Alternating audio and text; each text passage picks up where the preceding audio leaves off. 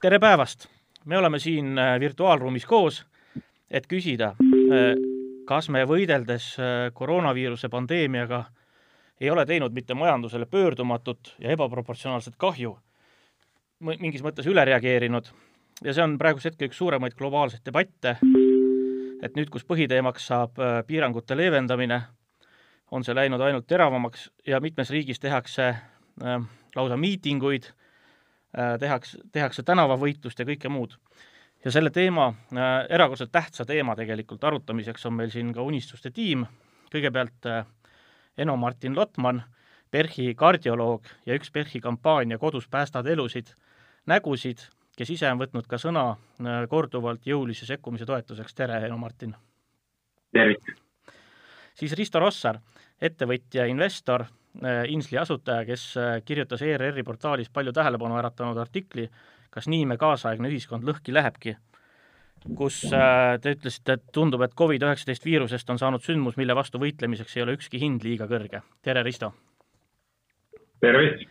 nii, siis on Kaspar Oja, Eesti Panga analüütik, ähm, kes, nii palju kui mina olen märganud sotsiaalmeedia vahendusel, on olnud nii mõnegi valitsuse äh, majandusmeetme mm, äh, sisuse suhtes äh, ka kriitiline. mitte kõigi. tere, Kaspar! tervist! ja lõpetuseks ähm, on hea meel öelda tere Aivo Adamsonile, pikaaegsele tippjuhile nii era- kui avalikust sektorist, hetkel Alexela juhatuse esimees, tervist! tervist! Ähm, ja selle podcasti on Eesti Ekspress äh, teinud koostöös Teenusmajanduse Kojaga Äh, alustame hoopis sellisest kohast, et äh, kirjeldage palun esiteks hästi lühidalt ühe-kahe lausega oma elu selle kriisi ajal, et mis on, kuidas te seda, kuidas teie enda päevakavad on muutunud, mis on see, kui palju see koroonaviiruse kriis äh, teie ajast praegu täidab? alustame samas järjekorras, Eno Martin. no tervist kõigile, selles mõttes, et minu, ütleme, tavapäevakava see väga palju selles mõttes muutunud ei ole, et haiglatöö on ikkagi haiglatöö sõltumata kriisist, et lähen äh, tööpäeval, lähen ikka tööle samasse kohta, kus muidu ja noh, selles mõttes niivõrd, et äh, ja noh, eks me käsi pesime ka enne ja maski kandsime ka enne, nii et selles mõttes äh, see väga palju muutnud ei ole, noh küll on see muutnud sellist sotsiaalset suhtlust märgataval määral.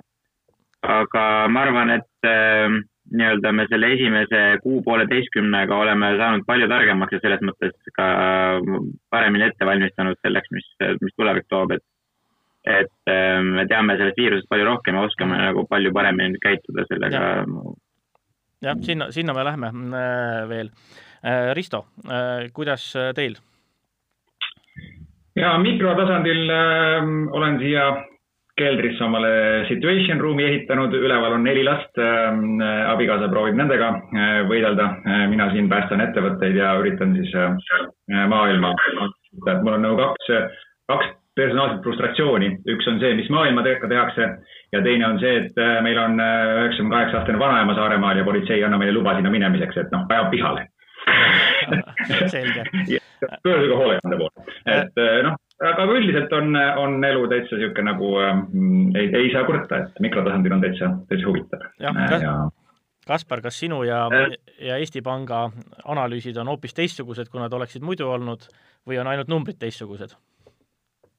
Eh, noh, mina, mina olen ka olnud äh, alates sellest kriisi algusest äh, niimoodi kodukontoris ja, ja tegelikult hakkab juba üsna närvi ajama, et äh, lastel, lastel on küll kõrini, nemad tahaksid lasteaeda tagasi minna mm. -hmm. aga ana, analüüsid on jah, mõnevõrra muutunud, et, et tegelikult me, kui me tavaliselt vaatame niisugust majanduse kulgemist, siis nüüd on niisugune see selgelt selline stsenaariumi analüüsi keskne, et mis, mis saab siis, kui.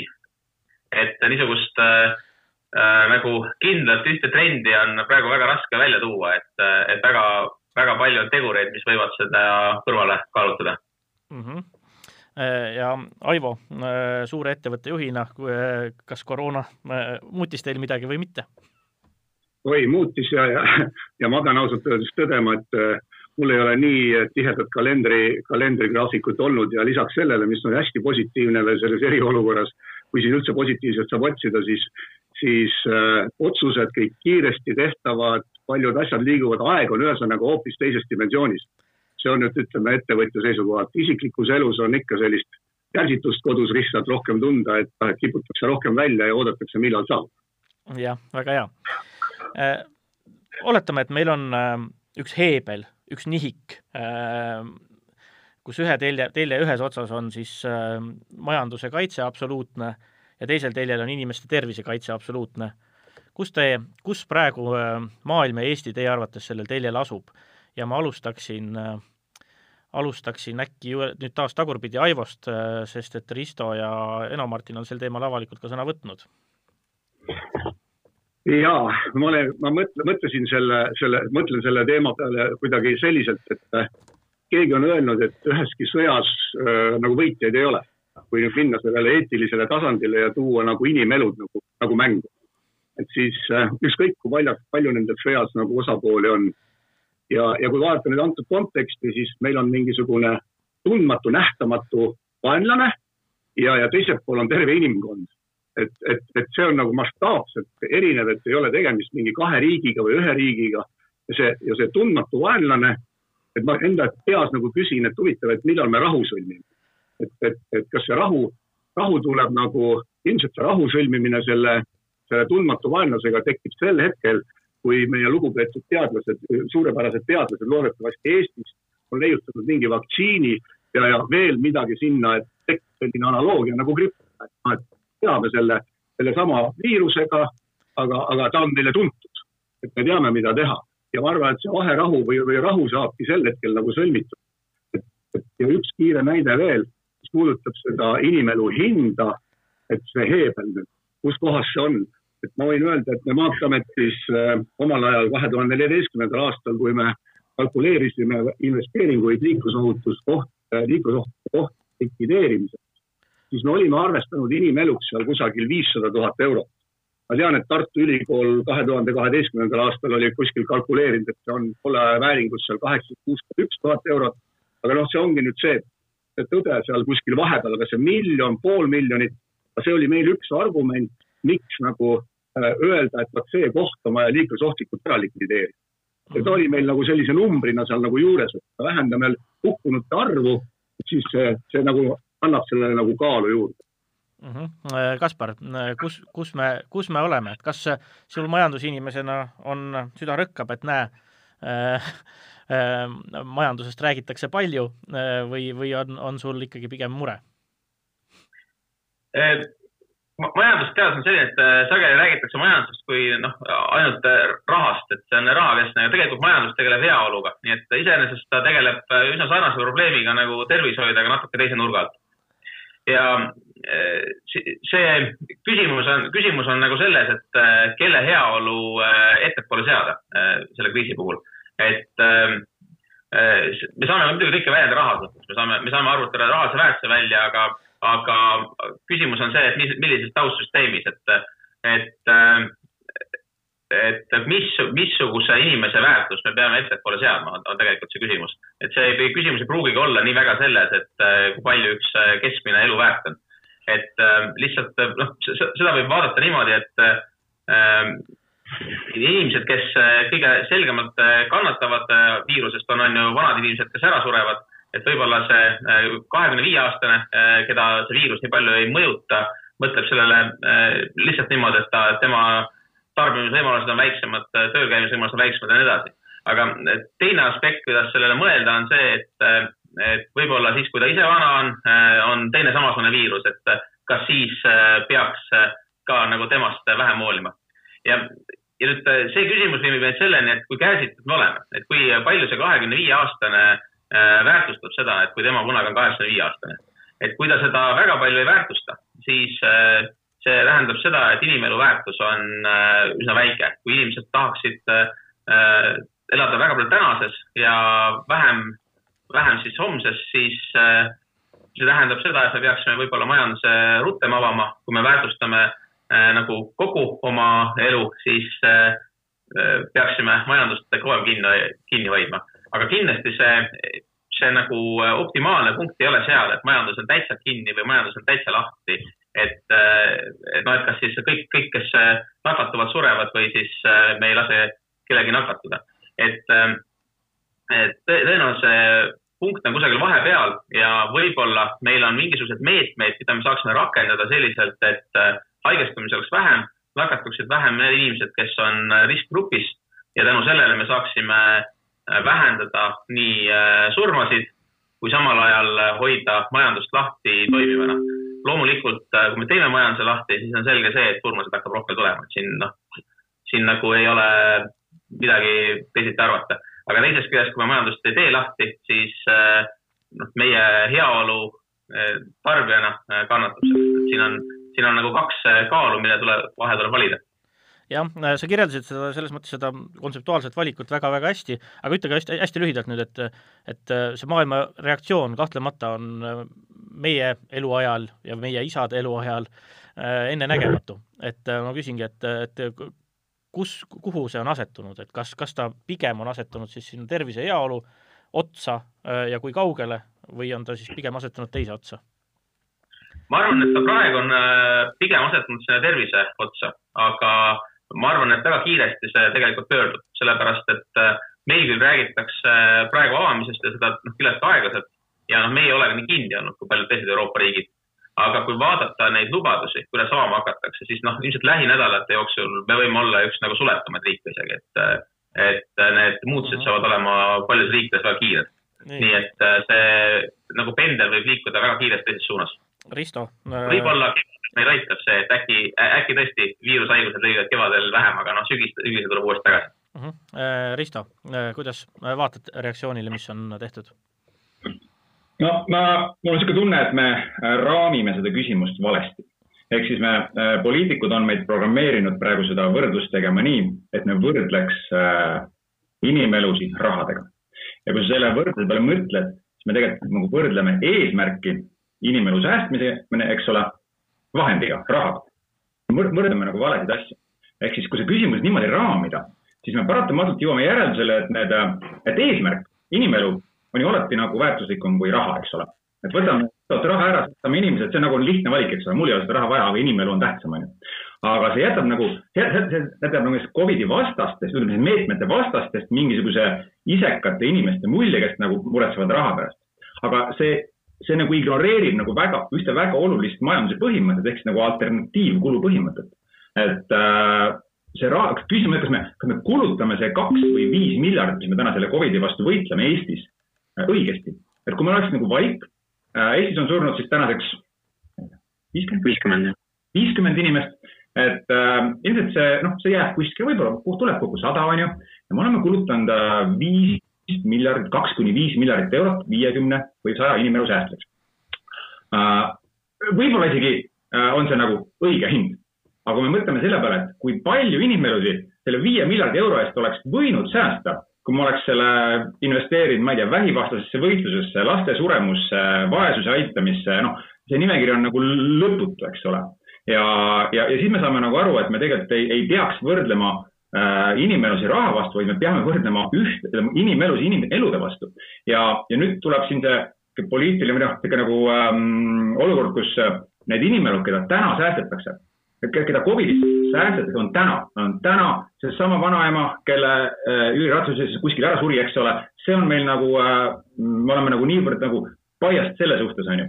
aga need inimesed, kes surevad selle Covidi vastase võistluse, võitluse raha hävitamise tõttu, need surevad homme, nad on äh, statistiliselt tundmatud sajad tuhanded lapsed, kes surevad.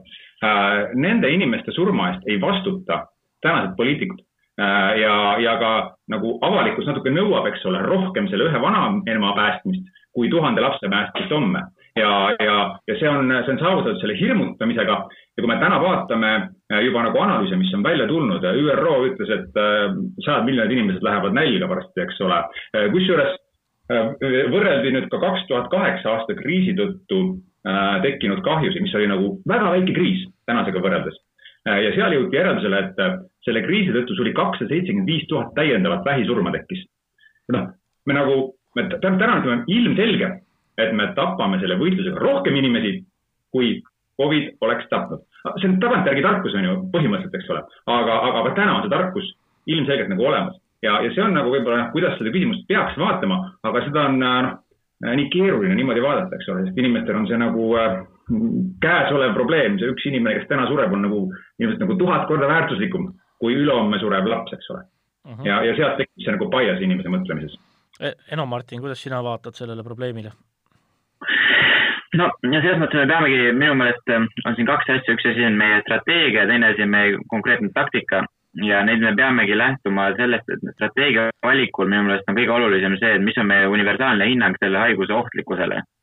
ja kui nüüd hästi märtsi alguses, veebruari lõpus, mis Maailma Terviseorganisatsiooni raportid Hiinast tulid, et äh, siis seda haigust peeti ikkagi noh, ülimalt ohtlikuks, et selliseks nagu on, äh, noh, oli kaheksateistkümnenda aasta Hispaania gripp et noh, praegu uuemad andmed on ikkagi see, et ta noh, ei ole ilmselgelt nii ohtlik, ta on lihtsalt oluliselt äh, nakkavam ja kuna kogu populatsioon ei ole sellise uue viirusega kokku puutunud, siis ta levib ühiskonnas väga kiiresti ja põhjustab selle tõttu nagu korraga palju surmasid. nüüd selle tõttu, kuna me oleme saanud uusi teadmisi, et see viirus ei ole selline, sellise nii-öelda suremusega, nagu alguses ikkagi selgeks peeti vastavalt sellele me saaksime ka ikkagi muuta oma sellist äh, strateegiat, üldeesmärki, et kui see algne eesmärk ikkagi ka Maailma Terviseorganisatsiooni poolt oli see, et seda viirust peaks püüdma nagu piirata, äh, välja tõrjuda ühiskonnast, siis noh, praegu on saanud selgeks, et see ei ole võimalik, sest see viirus lihtsalt levib asümptomaatiliselt äh, sellises hulgas, et seda ei saa nagu sellises avatud majanduses, nagu Euroopa Liit on, ei saa piirata selliselt. ehk siis me peame nagu leidma sellise viisi, kuidas pikaajaliselt selle viirusega koos elada ja selles mõttes ma olen eelkõnelejatega täiesti nõus, et ähm, noh, see algne faas, miks pidi tegema piirangud, oli see, et me lihtsalt ei tundnud seda viirust, me pidime aru saama sellest, et mis ta on, kuidas temaga tegeleda, anda võimaluse ka ühiskonnale kohaneda, anda võimaluse haiglatele osta testimisvahendeid, osta kaitsevahendeid, noh, sest et tegelikult riigid, kes sellega väga hästi on hakkama saanud, alustasid tõesti ettevalmistust juba jaanuarikuus nagu Taiwan või Rootsi, et nad tõesti nagu Nendel oli selge plaan selle jaoks juba olemas jaanuarikuus, et noh, meie hakkasime sellega reaalselt tegelema riigi tasandil alles siis, kui juba Itaalias no, pandi piirkondi karantiini. et selles mõttes meil oli ka vajalik selline, noh, see paus kindlasti oli vajalik, noh, kuidas nüüd edasi, noh, ilmselt me peame, ütleme, selge on see, et, et ega majand-, sõltumata sellest, kas poed on lahti või ei ole, inimesed käivad poest siis, kuna neil on turvaline sinna poodi minna, kui nad ise tunnevad ennast turvalisena ja selle tõttu riigi kõige olulisem eesmärk peabki olema pakkuda inimestele turvatunnet ja öelda seda, et see, mis me teeme, see on õige, teil on ohutu, äh, kui te neid reegleid järgite, siis on teil ohutu elada ja andma ka selged äh, juhised, et noh, kes siis on riskiinimesed, kes, äh, kuidas me saame riski vähendada, mis, mis rakendustega seda teha. et majandus ei hakka iseenesest tööle, kui inimesed ei tunne turvatunnet selles mõttes. ja ma arvan, et, et igal juhul äh, noh, me, meid pandi nagu selle viiruse poolt ja ülemaailmse seisundi tõttu nagu paratamatu valiku ette, et et ega majanduslangus ei ole mitte ainult Eestis võetud meetmete tõttu, vaid kogu noh, globaalselt ette võetud meetmete tõttu, et me teeme ükskõik, mis me oleksime, kui me oleksime ka öelnud, et me paneme kõrvad kinni ja ei kuula, mis toimub, ega majanduslangus oleks noh, nii-öelda see majanduses tekkinud kahju oleks tekkinud igal juhul, sest et meie välispartnerid äh, panid piirid kinni, meie kaubanduspartnerid panid äh, ostutellimused kinni, et need, need tingimused on, kuna me oleme nii väike, siis me sõltume nii või naa kõigist teistest. Eh, kuidas me nüüd taktikat edaspidi peaksime valima, noh, ma arvan, et eh, me oleme selle paari kuu jooksul nüüd väga palju saanud teada ikkagi sellest haigusest ja, ja see eelkõige peakski keskenduma sellele, et kuidas me saaksime leida üles need inimesed, kes on riskiinimesed kes, kellele see, kellele see haigus kujundab suuremat riski kui teistele inimestele, kes ja et me ei saa nagu kõiki inimesi samadele reeglitele allutada, sest et äh, ilmselgelt inimesed lihtsalt sellises ühiskonnas, nagu me oleme, ei ole nõus pikalt, noh, inimesed on tõesti oma kodus valmis olema võib-olla kuu aega, aga noh, sealt edasi nad lähevad lihtsalt õue ükskõik mis mm. -hmm. et selle tõttu äh, me peame nagu keskenduma individuaalsele riskile, noh, tõenäoline, selles mõttes on ka hästi, et meil on väga palju mudelriike ees, kes on erinevaid taktikaid valinud, me saame selle järgi joonduda. Samas me peame meeles pidama seda, et noh, kas või kui me võtame Rootsi näiteks, et Rootsis ikkagi nelikümmend protsenti inimestest elab üksinda. meil elavad suured perekonnad koos eri põlvkondadega eh, tihedalt eh, sellistes magalarajoonides. et selle tõttu meie, meie taktika peab olema individualiseeritud, aga aga noh, on selge see, et, et ega me nagu sellesse seisundisse, kus me praegu oleme, me ei saa jääda ja noh, mis on muidugi ka selge, nagu siin korra juba läbi käis, et igal juhul eh, kui meetmeid leevendada, siis igal juhul tuleb ka rohkem nakatunud, ega see nakkus kuhugi ei kao, ta lihtsalt nakatab inimesi edasi. lihtsalt me peame sellega elama hakkama ja me peame noh, ilmselt ka nagu ühiskonna sees natukene mõtlema sellistel teemadel, mis üldse on surm, kuidas surma aktsepteerida, et eh, kus inimene surema peaks, kas, kas kas tõesti, kas inimene peab alati surema haiglas või ta võib surra ka kodus. kas ta peab, kui pikalt peab inimest ravima, noh, et paljud teemad, mida, mida me oleme ühiskonnana nagu edasi lükanud, et kas inimesel, noh, ütleme Skandinaavia maades ikkagi väga tihti inimesed teevad oma ravitahted, et nad otsustavad, nad annavad teada meditsiinisüsteemile, et kui põhjalikku ravi nad sooviksid et me siiamaani ei ole Eestis äh, selleni väga jõudnud ja noh, see on üks asi, mida kindlasti võiks selle kriisiga seoses nagu kiirendada, neid protsesse mm. -hmm. aga ku, kuidas, kas keegi ta, tahatis kohe reageerida? Ja ma võib-olla mõte sulle nagu väga, äh, väga meeldib, kuna ma olen looma poolelt nagu üsna, üsna liberaal, eks ole, siis äh, mulle nagu väga meeldiks, kui riik ütleks mulle, et niimoodi oleks mõistlik käituda. aga ma saan selle otsuse ise teha kui mina tahan homme lennata Hispaaniasse, ookeani ääres, ookeani ääres karantiinis olla, mm, siis ma saan seda teha. Äh, kui ähm, ma tahan oma vanaema kaitsta, siis ma kaitsen seda. Äh, ma nagu ei, ei pea, äh, et riik ei pea mulle ütlema, kas ma võin Saaremaale minna või kas ma võin poodi minna või mitte. et mul on nagu teada, et minu risk surra on, ma ei tea, null koma null üks protsenti Äh, ma võtan selle riski, ma lähen sõpradega jalgpalli mängima, korvpalli mängima, et noh, ma, võtan selle riski. samamoodi nagu ma võtan riski, kui palju ma alkoholi tarbin äh,, kui kiiresti ma autoga sõidan, okei okay,, ma ei tohi mingit limiiti ületada, onju, aga ma nagu, ma teen neid otsuseid ise, aga riik peaks mulle ütlema seda äh,. vanainimesed on nagu, noh, seda selle teema tõstatasin ka, eks ole, kas tõesti nagu riik paneb nagu jõuga inimesed karantiini. ta, ta võiks öelda, et see on teile väga mõistlik asi, mida teha, kui tahate kaua elada aga te võite oma lastega koos olla, kui te tahate selle riski võtta. Teie risk surra on seitse protsenti. jah, enamalt ma küsingi sinu käest, et kas, kas viirusega nagu epidemioloogilisest vaatepunktist võideldes selline isiklike valik, valikute äh, peale lootmine oleks toiminud? Äh, no selles mõttes ongi, et äh, see sõltub, see sõltub väga palju sellest, kui suur see risk on. Ja selle tõttu oligi algne valik pidi olema üks, nüüd me peame valima teistmoodi, et ma selles mõttes olen Äh, noh, see vanaema juurde minek ongi näiteks see, et tihti inimesed äh, noh, ei ei saagi sellest aru, et, äh, et nad ei seagi vanaema juurde minnes riski, nagu see risk ei rakendu neile, vaid see risk rakendub nende vanaemale. see on see, noh, mille tõttu me peame teadvustama inimestele seda, et see risk on tõesti erinev ja, ja nagu ka inimeste käitumisi ja, ja tõesti, noh, riik peaks võimaldama nendele inimestele, kes Äh, kes ei saa võib-olla valida oma näiteks igapäevategevusega, aga samas kuuluvad riskigruppi, nendele nagu eraldi kaitse, kaitsevahendeid äh, jagame siis. olgu nad siis haiglatöötajad või bussijuhid või. aga ühesõnaga selles mõttes ma olen täiesti nõus, et riik ei saa demokraatlikus ühiskonnas äh, väga karme reegleid, noh, üle kuu aja rakendada, et see on paratamatus, et inimesed ei ole, ei ole, ei ole nõus neid järgima.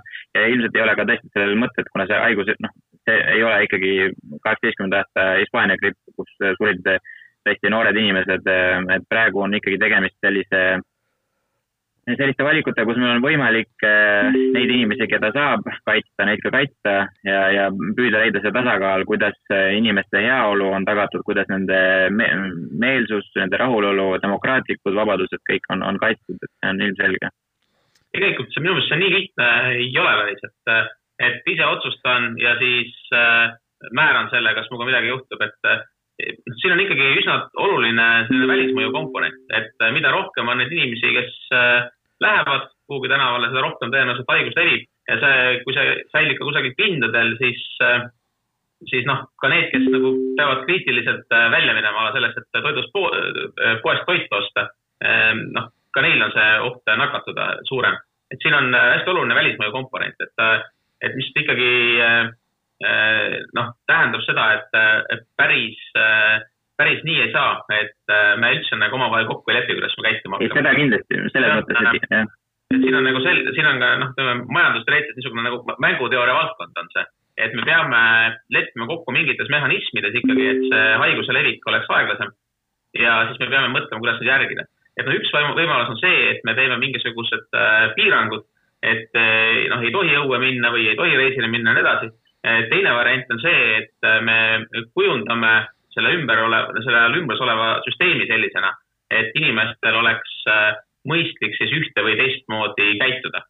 et noh, näiteks üks asi on seesama maski kandmine, millest on räägitud, et maskid ühest küljest aitavad peale seda, et kui üks inimene on nakatunud, on ta asümptomaatiline näiteks ja teine inimene seal kõrval, kes ei ole nakatunud, siis haigus ei levi nii kiiresti. aga teine väga oluline asi, mida maskid veel annavad, on see, et nad on ebamugavad. et kui sa pead seda päev läbi kandma kodust väljas olles, noh siis ei taha nii palju kodust, kodust välja minna lihtsalt. et see on, see on nagu selline viimase viieteist aasta majanduse ja psühholoogia läbipõimumise küsimus, et kuidas me saame, kuidas me saame kujundada need otsustussüsteemid inimeste jaoks sellisteks, et äh, riskialtimad inimesed ei läheks ja ei nakataks neid äh,, kellel on suur risk haigestuda mul on, mul on veel, mul on, mul on ka, Aivo, siin, et ühe, ühe, ühe teise nurga alt veel juurde tuua üks mõte, et, et see kõik on niisugune pinnapealne, et me räägime nendest pinnapealsetest nõudmistest. mina olen ka oma vaatelt liberaal nagu sina, Risto. et, et aga, aga kui vaadata nagu nüüd, nüüd seda äh, kiired ja ülijõulised meetmed ja tasane piiramine näiteks, selle, selle nagu piiri tõmbamist. et ma hiljuti lugesin Reutersist ühte artiklit, kus siis viidati uuringule, et noored haigu, haigu, haigustunnusteta nakatunud võivad olla oluline nakkust levitav elanikkonnarühm ja ma siis hakkasin mõtlema, et kui see on see kakskümmend viis kuni kolmkümmend, et kõige, kõige aktiivsem seltskond, kes liigub nagu ringi, et kuidas, kuidas me tasase piiramiseks saaksime nagu neid kontrolli all hoida, oli see esitatud nagu see hüpotees. Ja see viis mind sellele mõttele, et, et mida nagu valitsus saaks paremini võib-olla selles olukorras teha. ma nagu näen seda, et eriolukord ja tänane kehtiv seadusandlus näiteks ei, ei ole, ei ole päris nagu Äh, sellises sünkroonis selle olukorra ja seaduse sätetega. kuhu ma oma jutuga tüürin, on teatud asju saaks palju kiiremini nagu äh, reageerida, kus sa tegelikult inimeste liikumist administratiivselt ei piira. on see siis näiteks äh, mobiilse positsioneerimise, nakatunute ümbruskonnaga levivate inimestega suhtlemise jälgimine, mida meil, eks ole, on noh, GPR, selle sama GDPR-i reeglitega, eks ole, piiratud. et, seal ei ole kohta, sa teeks kiireid leevendusi nendesse seadusandlussätetesse, aga inimkonda, inim-, inimeste nagu liikumist ja administratiivset uskunud ei piira. võib-olla on need need meetmed, mida tegelikult peaks siin veel, veel kiiremini diskuteerima. Et ma vaatasin ka seda jälgida või jälgida seda, et kuidas eriolukorras, noh, võtame selle lisaeelarve vastuvõtmine võtame, võtame jah, nende inimeste liikumise, eks ole, me teame, et Taiwanis oli ka kiiresti äh, lahendatud äh, see olukord, et kui oli keegi nakatanu, siis kiiresti tuvastati, kellega see inimene oli kontaktis olnud. noh, sellised piirangud ilmselt olid võib-olla riigis juba seadusega lubatud, aga noh, meil, meil ilmselt ei olnud. et me üritame nagu olemasolevate seaduste raames kogu aeg liikuda selle, nende, nende seaduse sätete järgi, aga samas kaotades nagu selles eriolukorras võib-olla väga oluliselt nagu aega ja, ja see, mis nagu inimestele rohkem korda läheb. Minu meelest see nagu väga liberaalne ei ole, et see on selline, et meil on nagu äh, noh, põhimõtteliselt me räägime sellest, et milliseid piiranguid me seame, et kas me seame nagu piirangud inimeste liikumisele või eraelule, et selline noh, see, see on ka üks äh, küsimus selles äh, debatis, et äh, kui palju peaks järgima igasuguseid siis era, eraelu privaatsuse reegleid, et äh, noh, kui me need täitsa ära unustame, siis me võime mingi hetk jõuda ka sinna, et noh, näiteks hakkamegi tänaval kõiki kraadima ja vaatame, kes äh, natukene tõbine on, siis äh, selle saadame neljateistkümnest päevast karantiini. seda ma ei mõelnud, Kaspar, see, see ei olnud minu see point. jah ja,, me, me, mulle tundub, et me suures plaanis oleme siin ähm, selles osas ühte meelt, et et sellist nagu globaal, globaalset, üle-euroopalist, ülemaailmset ja üle-eestilist sellist totaalset äh, lockdown'i, nagu see moodne sõna on mm, inglise keeles, mm, võib-olla järgmises hetkes pigem nagu peaks vältima või seda tõenäoliselt ei tule. aga kuidas siis ikkagi äh, võidelda selle viirusega majandust kahjustamata?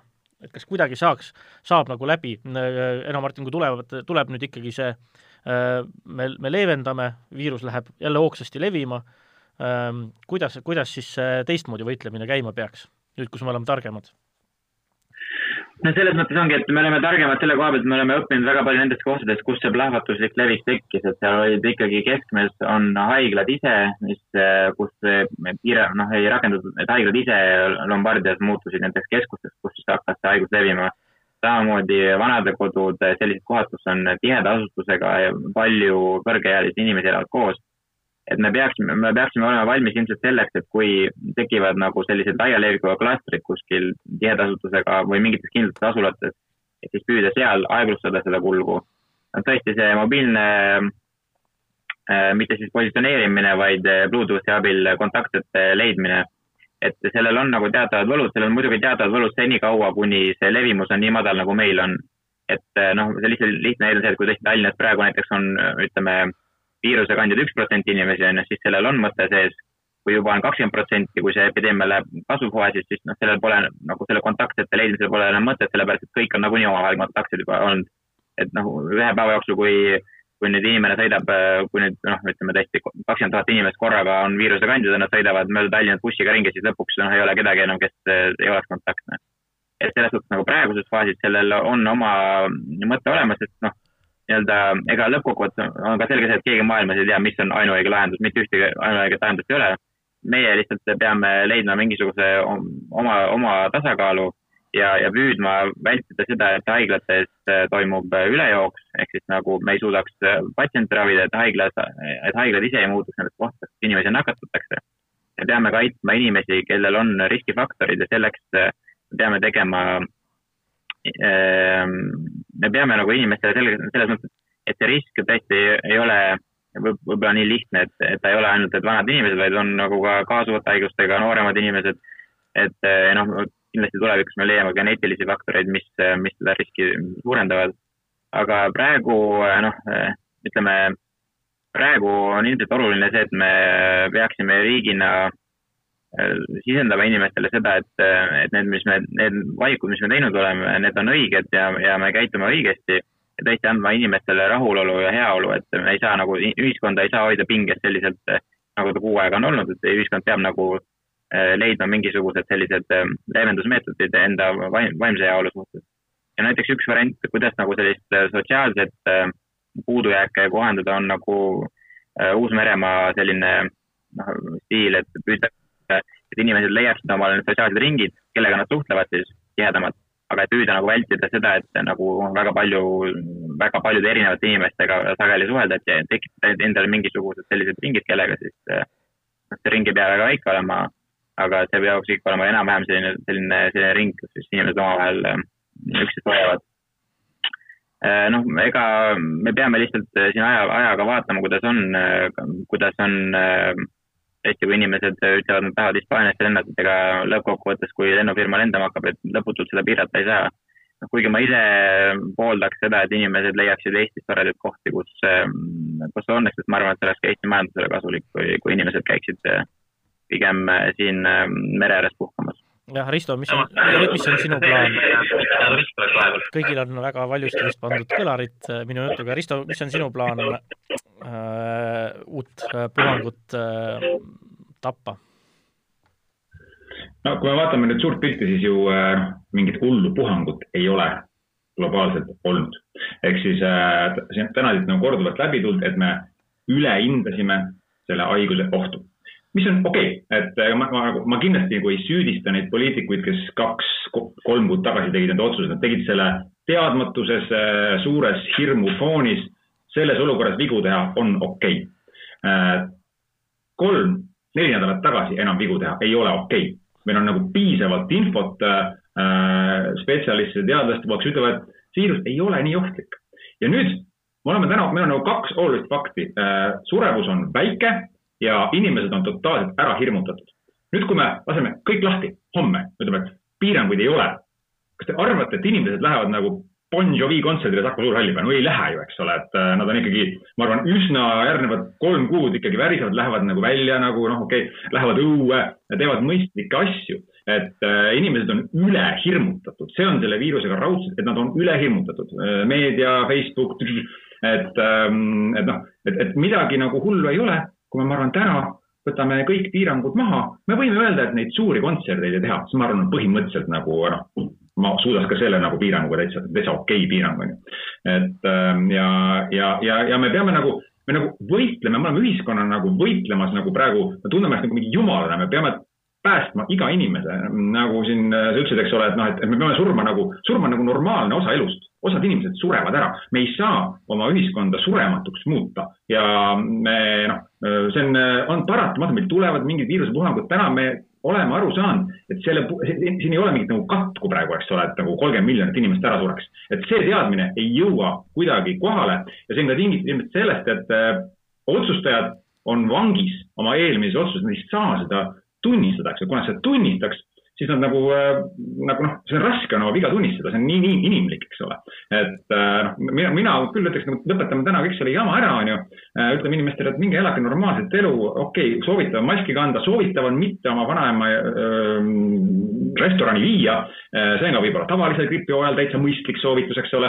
et ja ma usun, et sellest ei juhtu mitte midagi ja kui juhtub, noh siis me saame sellega tegeleda, aga täna on ju piisavaid andmeid, et see nagu ei ole nii hull, et. aga kas sa, et kas sa ei arvesta selle võimalusega, et, et just tänu nendele drastilistele meetmetele meil ei ole see puhang läinud igal pool niimoodi käest ära, nagu ta läks ära käest, käest Itaalias, kus suremus oli suurusjärgus see neliteist protsenti haigestunutest ja haigestunud väga palju, või, või New Yorgis, kus see oli väga sarnane ja nii edasi, et, et just tänu neile meetmetele, mida me, mida sa justkui praegu pead ikkagi äh, kiires olukorras tehtud veaks Äh, tegelikult äh, me pääsesime hullemast tegelikult, eks neid, neid probleemseid kohti maailmas on nagu väga vähe, eks ole, sa suutsid ka praegu tuua paar näidet, eks ole, neid ongi nagu, ma ei tea, kaks, kolm, noh, neli, eks ole. et äh, need on nagu mõned üksikud kohad ja, ja noh, seal on ka nagu väga palju põhjusi. Itaalias vana, vana elanikkond, eks ole, haiglasüsteem niikuinii Itaalias töötas nagu kogu aeg maksimumi piiril, eks ole. et seal, seal seda lõhki lasta oli, on nagu väga lihtne. et, ähm, et see võib olla tõsi aga mis siis, kui see ei ole tõsi? Ehk siis äh, äh, ma arvan, et nagu äh, me võime nagu praegu fifty-fifty teha, et me tega, oleme nagu üle reageerinud ja nüüd me näeme, et nagu suures pildis gripihooajal sureb maailmas rohkem inimesi, kui me võime, jah, me, me, need meetmed töötasid no..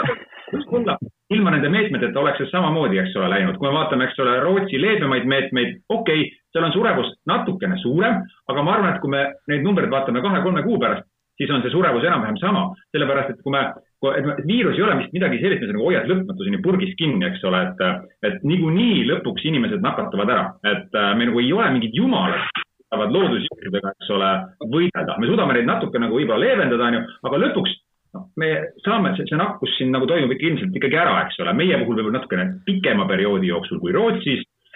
Äh, ja noh, see on minu arust nagu ongi see mõttekoht, et täna nagu minu arust minevikust on äh, piisavalt uuringut selle kohta, mis ütlevad, et tegelikult need äh, kinnihoidmised on ikkagi nagu ära tasunud, et äh, noh, Hispaania gripi kohta on, on Ameerikas uuritud seda, et piirkondi, mis suleti, hoiti pikalt kinni, piirkondi, mis ei suletud.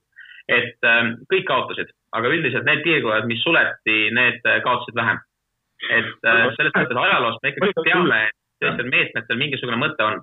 ja just me võib-olla natuke liiga Äh, isegi üle tähtsustame seda surmade arvu, mis on Eestis olnud, sest et tõesti, me ei, me ei tea, kui palju neid oleks olnud siis, kui, äh, kui neid meetmeid poleks olnud, et äh, noh, tõenäoliselt kui vaadata nagu seda suremust nendes siis piirkondades, kus ei saadud, saadud nii kiiresti piiranguid peale, siis noh, võiks öelda, et selline Estonia katastroof kuus enam-vähem oleks, oleks nagu see, mis meil oleks.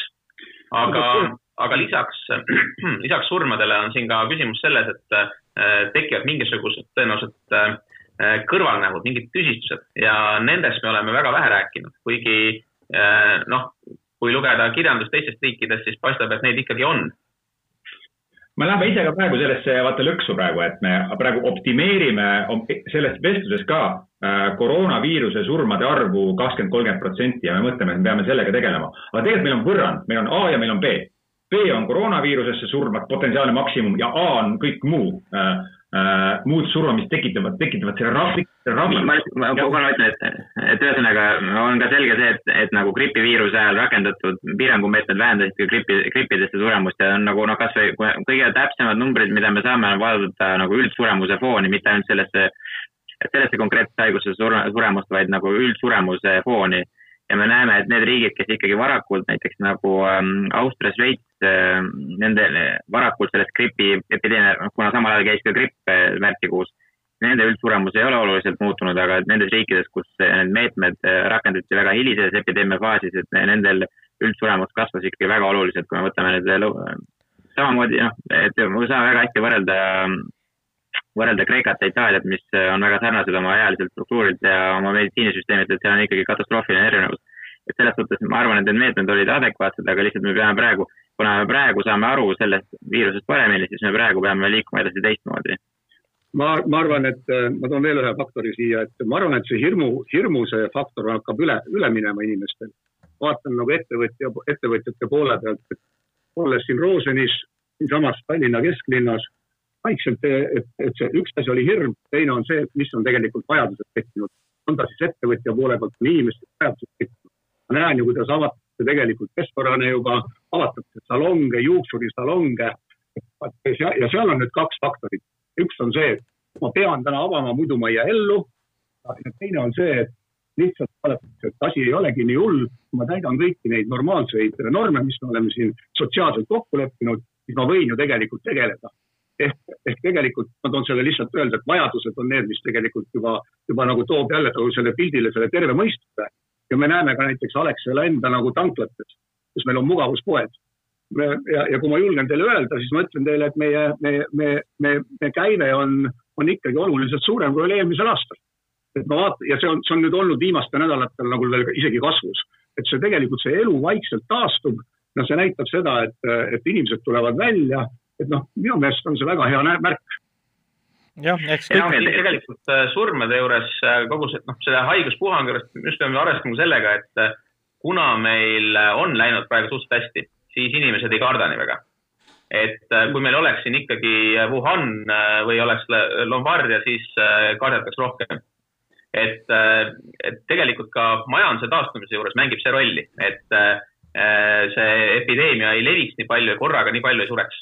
Et, et positiivseid uudiseid on vaja. muidu inimesed poodi ei tule. mina olen nõus ma, ma lõpetan. jah, palun ei, Eno Martin, lõpeta oma mõte. et no lihtsalt seda tuleb ka aru saada, et, et eks me sisenemisi, need Euroopa rakendas neid meetmeid praktiliselt üle Euroopa üheaegselt, aga kõik riigid olid erinevas epideemia faasis, et selle tõttu ka nagu need numbrid ongi väga erinevad, et ja noh, hea olekski see, kui me liiguksime edasi nagu samas sammus oma lähiriikidega ja, ja tõesti, et ega Euroopa siseselt piire pole mõtet, ma olen selles mõttes selle Hispaaniaga nõus, et, ega Ameerika on sama suur, suurusjärgus nagu Euroopa ja, osariikide vahelisi piire pole sulgetud ja, ja tõesti, ega osariikides on väga erinevad suremusnäitajad, et et selle tõttu ei ole ka ilmselt Euroopa Liidu siseseid piire väga kaua mõtet kinni hoida, et see noh, ei anna, anna olulist efekti tegelikult. Nagu... Eno Martin vahemärkusena Ameerika näite peale, et kui Trump, Donald Trump siin viimati ütles, et neid desinfitseerimisvahendeid võiks süstida, on ju, mille mõtet nagu oli. ja, ja kujuta ette, et Ameerikas on üle kahesaja viiekümne, ligi kakssada, üle kahesaja miljoni inimese ja nad kuulavad presidenti. siis noh, et arvata, et seal keegi ei proovi seda, on naiivne, eks ole, kes, kes ei võta seda naljana ma arvan, et sellised asjad on nagu üsna tõsised. ja on tõsised jah. ma küsin lõpetuseks, teie käest alustasime isikliku küsimusele, aga lõpetan ka hästi lühikese isikliku küsimusega. Äh, millal te jälle ise reisite, et millal me lähme koos suvel Itaalias, kas suvel lähme koos Itaaliasse ooperit vaatama või Hispaaniasse jalgpalli vaatama, kui äh, septembris jälle mängud hakkavad? et kuidas te ise äh, reageerite, mis te arvate? mina tahaksin küll minna aga ma ei tea, ma kardan, et mitte, mitte kui kaugele, sest et ei saa, aga tõenäoliselt võib-olla Lätti ja Leetu saab autoga minna kuhugi ja piisavalt distantsi hoida, et, et võib-olla isegi lennukiga reisida veel ei julge. Nii, teised? mina, ma arvestan järgmise aastaga, et sel aastal sai kõik cancel datud, kõik ära tühistatud, äh, kõik reisid ja, aga järgmisel aastal, aga ma, milleks valmistuma ilmselt ma, ma tean ja miks järgmine aasta on see, et äh, arvata võib, et tulevad äh, erinevad terviseviisad ja ma ei tea, võib-olla tervisepiletid lennukisse ja et pead käima enne, ma ei tea, mis kadalippi läbi, et, et üldse kuskile pääseda. ja, ja, ja nii edasi, et noh, ma arvan, et selleks tuleb nagu valmis olla. ja, Eno Martin no suhtes mina nagunii töötan riskipatsientidega, mina ei reisi senikaua kuhugi, kuni on selge, mis sellest asjast saanud on ja aga noh, ma ütlen, et siin on noh, kuna see haigus on kõiki üllatanud kõikides aspektides, siis ta võib ka noh, me ei saa välistada, et ka me leiame mingi efektiivse ravimi, vaktsiin tuleb kiiremini, kui oodatakse, et kõik selliseid variandid on õhus, et et äh, pigem olla alati positiivne uh. Mhm. -huh. Risto, sina oled olnud kõige rohkem äksi täis, millal lähed? no ma tahtsin juba tegelikult minna, aga siis vaatasin, et noh, peab karantiinis istuma, et muidu vaatasin, et lennukid isegi lendavad, sai isegi väga kaugele oleks saanud lennata, aga sa pead neliteist päeva teises riigis karantiinis olema, noh siis ei kipu minema. Et et, et, et ma küll, küll, kui see kriis algas ka, siis lennujaamad tundusid olevat kõige, kõige tühjemad kohad üldse, nii et seal tundub olevat üsna turvaline olla, et seal ei ole inimesi, et äh, jah, nii suur tänu teile kõigile, nii Eesti Ekspressi kui Teenusmajanduse Koja poolt selle eest, et olite nõus siin arutlema, mõtteid vahetama ähm, see on äh, üks põrgulikult raskete valikute, valikute koht tegelikult, et isegi kui me põhimõtetes lepime kokku, siis ühte praktilist küsimust kokku leppida on juba palju keerulisem. nagu me nägime ka sellest, kuidas valitsus oli targalt äh, läbimõeldult planeerinud Saaremaa avada, aga selgus, et see lihtsalt ei sobi. kogu planeet, plaan lendas vastu taevast, sest et inimestele see lihtsalt enam ei sobinud. vot, aga igal juhul teile suur tänu ja soovin teile, et olge terved ja hoidke iseennast ja oma lähedasi, äh, käituge mõistlikult